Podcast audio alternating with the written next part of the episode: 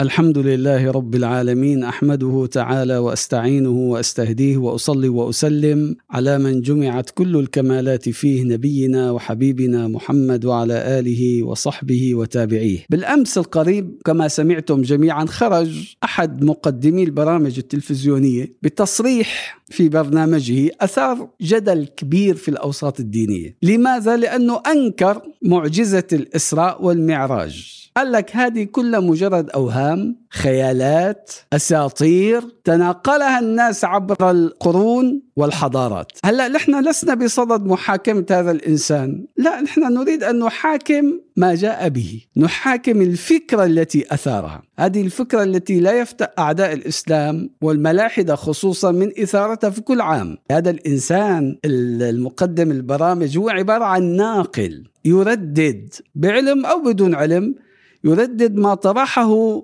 الملاحدة وأعداء الإسلام من قبله. يقولون يستحيل حدوث هذه الرحلة الأفقية الإسراء أو العاموديه المعراج. يقولون ترى أنه هذه أساطير قديمة. جاب النبي عليه الصلاة والسلام من سلمان الفارسي. قال سلمان الفارسي ورد في الأحاديث أن النبي صلى الله عليه وسلم كان ينفرد به بالليل وكان محشوا علما. قال إذا أخذ علمه من سلمان الفارسي. ليش ترجمته بهذه الطريقة؟ هكذا حتى يوافق يعني ما ذهبوا إليه.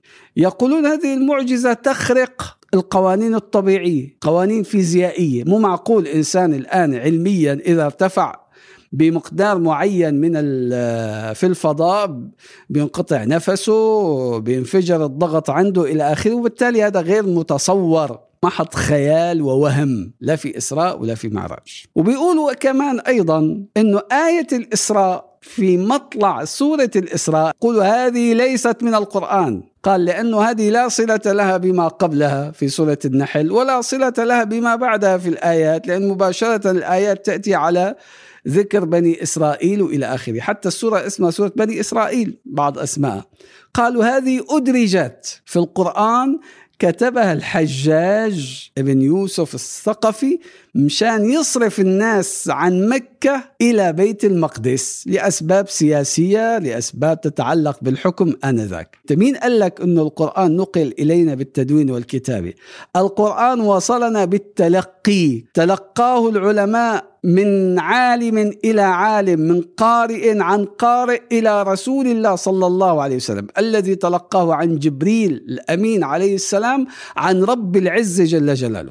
وبالتالي لا يمكن ويستحيل أن يزاد فيه حرف فضلا عن زيادة كلمة أو آية. هذا الكلام مردود. وهذا الإنكار اللي عم يروجوا له إذا كان روائيا يعني من جهة الدلالة الشرعية فالإسراء والمعراج ثبتا بنص القرآن الكريم في سورة الإسراء وسورة النجم. كذلك ثبتا بالأحاديث الصحيحة في كتب السنة النبوية المطهرة وعلى ذلك إجماع المسلمين في كل العصور بما لا يدع مجالا للتشكيك أو التحريف أو التشويه. هذا كلام فاضي. وإذا كان الإنكار علمي يعني بيقول لك يستحيل حدوث ذلك علميا وفيزيائيا فهي أصلا تندرج تحت مسمى المعجزة. هذه معجزة. سبقتها معجزات للنبي عليه الصلاة والسلام ولغيره من الأنبياء وتلتها معجزات أيضا للنبي عليه الصلاة والسلام.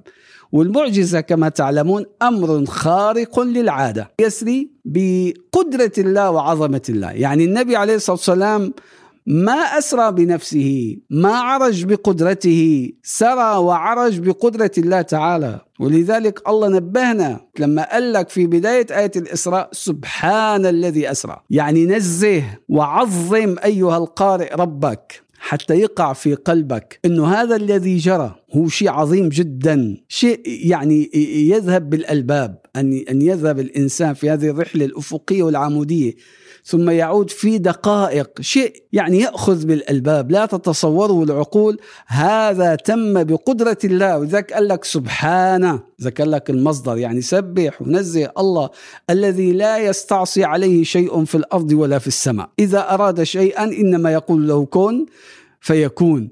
أما إذا بدك تقارن بقدرة الإنسان لا يمكن قدرة الإنسان مهما تعاظمت ومهما بلغت ومهما تطورت أن تطاول القدرة الإلهية في شيء. ما لا تقارن. لا يمكن يعني تصور إنسان يسري ليلا من المسجد الحرام كما قلت في مكة إلى الأقصى في فلسطين ثم يذهب يرقى إلى السماوات العلى ثم يعود مرة أخرى إلى إلى حيث ارتقى في فلسطين ثم إلى مكة من حيث انطلق. كل ذلك في جزء من ليلة واحدة هل يوجد إنسان يستطيع أن يفعل هذا؟ في وكالة فضاء تستطيع أن تفعل هذا؟ مستحيل.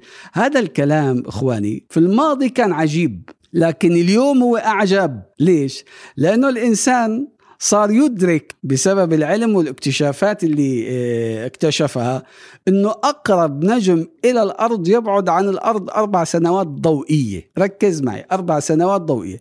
سرعة الضوء في الثانية 300 ألف كيلو متر بالثانية. اضربهم ب 60 بالدقيقة. اضربهم ب 60 بالساعة. اضربهم ب 24 باليوم. اضربهم ب 30 بالشهر 12 بالسنة. قديش حتكون ال ال ال الرقم فلكي رقم غير متصور حط أصفار إلى ما شاء الله. اليوم عم يكتشفوا أنه النجوم في مجرتنا فقط عم يلاقوا أنه عددها 200 مليون نجم. كل نجم له شكل وكل نجم له حجم وكل نجم تابع لمجرة. المجرات ال ال ال في, في الكون الكون المنظور طبعا اللي قدروا يكتشفوه وجدوا انه عدد المجرات اللي فيها المئات والملايين عدد المجرات 200 مليار مجرة. كل مجرة فيها مليارات من النجوم والكواكب والأقمار وهذا كله دون السماء الدنيا. كيف بعد السماء؟ عندك السماء الثانية والثالثة والتاء الرابعة والسادسة والسابعة. شيء لا يتصور.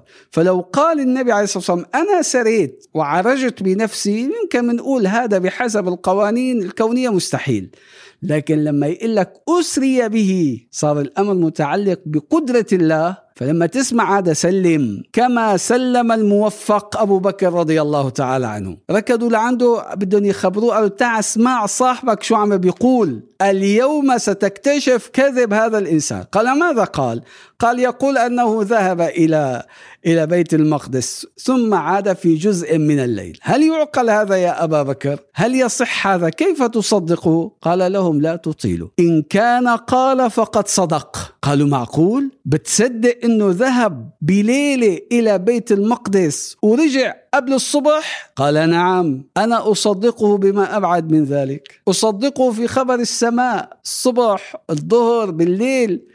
بيأتينا يقول نزل علي كذا وكذا. قل سمعا وطاعة. فكيف لا أصدقه بذلك؟ ولذلك من يومها سمي أبو بكر الصديق. هذه مرتبة الصديقية التي ما حازها إلا سيدنا أبو بكر رضي الله تعالى عنه وسيدة مريم الصديقة. رضي الله تعالى عنها. يبقى السؤال الأهم لماذا تم اختيار النبي عليه الصلاة والسلام لهذه الرحلة الفريدة المتفردة؟ هل ما حصلت لأحد من قبله ولا من بعده؟ ليش وقع الاختيار عن النبي عليه الصلاة والسلام؟ يبدو أن الأنبياء كانوا على اطلاع بشرف المعراج، كانوا على اطلاع بأنه سيصطفى لهذه الرحلة إنسان واحد، هذا الإنسان هو منهم من الأنبياء، ولذلك كانوا يتطلعون لنيل هذا الشرف وأن يقع الاختيار على واحد منهم خاصة أولي العزم. فلما حسوا بأنه يعني اقترب وقت المعراج بدأوا يتطلعون إليه. ولذلك تقرأ في القرآن أن سيدنا إبراهيم عليه السلام طلب من الله أنه يريه كيف يحيي الموتى. قال أرني كيف تحيي الموتى صح؟ لك هو ما كان بده يشوف آه، الطير وما الطير وكيف بيموت وكيف بي... ما هو مؤمن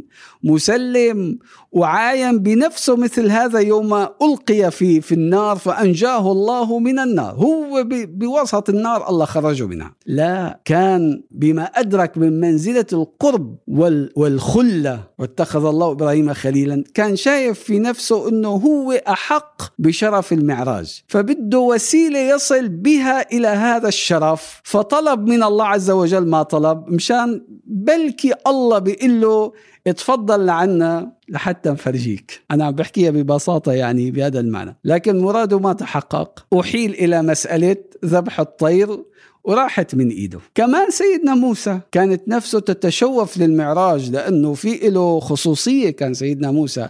أكثر نبي ذكر في القرآن سيدنا موسى. له آه، اصطفاء له محبة وكلم الله موسى تكليما. لذلك طلب من الله طلب غريب. قال ربي أرني أنظر إليك. قال لن تراني. هو سيدنا موسى بيعرف أنه رؤية الله مستحيلة في الدنيا. لكن طمع عم يحرك الموضوع يعني. أرني أنظر إليك. فالله بيقول له تعال.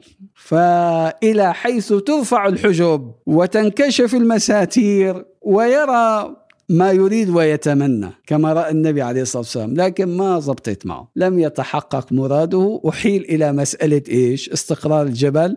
قال له انظر إلى الجبل فإن استقر مكانه فسوف تراني فلما تجلى ربه للجبل جعله دكا وخر موسى صعقا وعرف موسى إنه كرامة المعراج رح تروح لغيره من الأنبياء. ولذلك لما رأى النبي عليه الصلاة والسلام سيدنا موسى لما رأى النبي في في السماء ليلة المعراج وشافوا إنه تجاوزوا النبي عليه الصلاة والسلام كان يمكن بالسماء السادسة سلم عليه ثم تجاوزه. ومضى صلى الله عليه وسلم في معارج الرقي والكمال بكى سيدنا موسى. لأنه أيقن عندها أن شرف المعراج فات وذهب إلى رسول الله صلى الله عليه وسلم.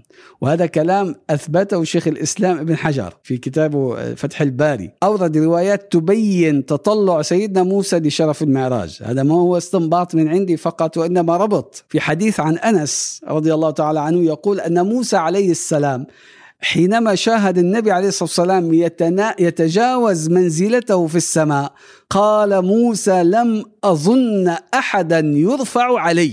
في حديث آخر يقول سيدنا موسى يزعم بنو إسرائيل أني أكرم على الله وهذا أكرم على الله مني يقصد النبي عليه الصلاة والسلام. ليش؟ لأنه أخذ شرف المعراج. وفي رواية أخرى عن ابن مسعود أن النبي صلى الله عليه وسلم مر بموسى وكان موسى عم يرفع صوته فيقول عم بيصيح أكرمته فضلته؟ فقال جبريل هذا موسى. قال النبي عليه الصلاة والسلام ومن يعاتب؟ قال يعاتب ربه فيك ويرفع صوته على ربه إن الله قد عرف له حدته. لكن السؤال بأي شيء نال النبي عليه الصلاة والسلام شرف المعراج. ليش ما سيدنا موسى هو الذي حاز هذا الشرف أو سيدنا إبراهيم أبو الأنبياء؟ لماذا امتاز النبي عليه الصلاة والسلام على الأنبياء والمرسلين؟ تعرفوا إخواني أن النبي عليه الصلاة والسلام عاش قبل هذه الرحلة فترة عصيبة ومؤلمة. لما آه، كانت قريش عم تزداد يوم بعد يوم من تعذيب وإيلام المسلمين وبالمقابل عناد واستكبار. ولذلك رحل إلى الطائف. على أساس يعني لعله يجد في اهلها قبول أو استجابة، لكن فوجئ النبي عليه الصلاة والسلام بأن أهل الطائف مثل أهل مكة، قسوة وعنادا، بل أكثر من ذلك طردوه كما القصة تعرفونها وأغروا الصبيان والسفهاء فرجموه وسال الدم من رأسه عليه الصلاة والسلام إلى أخمص قدميه، ويومها جلس تحت ظل شجرة ودعا بالدعاء الجميل. اللهم إليك أشكو ضعف قوتي وقلة حيلتي وهواني على الناس يا أرحم الراحمين. أنت رب المستضعفين وأنت ربي. إلى من تكلني؟ إلى بعيد يتجهمني أم إلى عدو ملكته أمري؟ إن لم يكن بك غضب علي فلا أبالي. إلى آخر الحديث. ويوم سمعت السماء دعاء النبي عليه الصلاة والسلام وارتجت ونزل اللطف الإلهي لطف اللطيف وكرم الكريم. مثل ما الله بيفعل فيك أنت. لما بترفع إيديك في ساعة رجاء وإخلاص وحب من قلبك إلى السماء. بيمتحنك وبيبتليك. بيشدد عليك وبيضيق عليك لكن بالنهاية ما بتلاقي إلا ألطافه وكرمه. وفضله وإنعامه. بينسيك كل آلامك. بيدخل على قلبك سعادة. بتنسيك كل أحزانك. كل المآسي التي كنت عايش فيها بتنساها. يقول عليه الصلاة والسلام رفعت رأسي فإذا أنا بسحابة أظلتني. لا أدري من أين جاءت. نظرت فإذا فيها جبريل. ناداني يا محمد إن الله قد سمع قول قومك لك وما ردوا عليك. وقد بعث إليك ملك الجبال لتأمره بما شئت فيهم. قال فناداني ملك الجبال. سلم علي قال يا محمد عندي خيار. قال له إن شئت أن أطبق عليهم الأخشبين الجبلين بكلمة واحدة منك بإشارة بس اللي نعم فرصة مواتية والله لو أتيحت لأحدنا يقول له لا تقصر. مو بس نحن طالما عرضت على أنبياء سابقين ومرسلين. لما كان الأذى يصل بهم إلى منتهى ويأتي اللطف الإلهي وتنفتح أبواب السماء يرفعوا أيديهم ويدعوا بالهلاك على أقوامهم. مثل ما ساوى سيدنا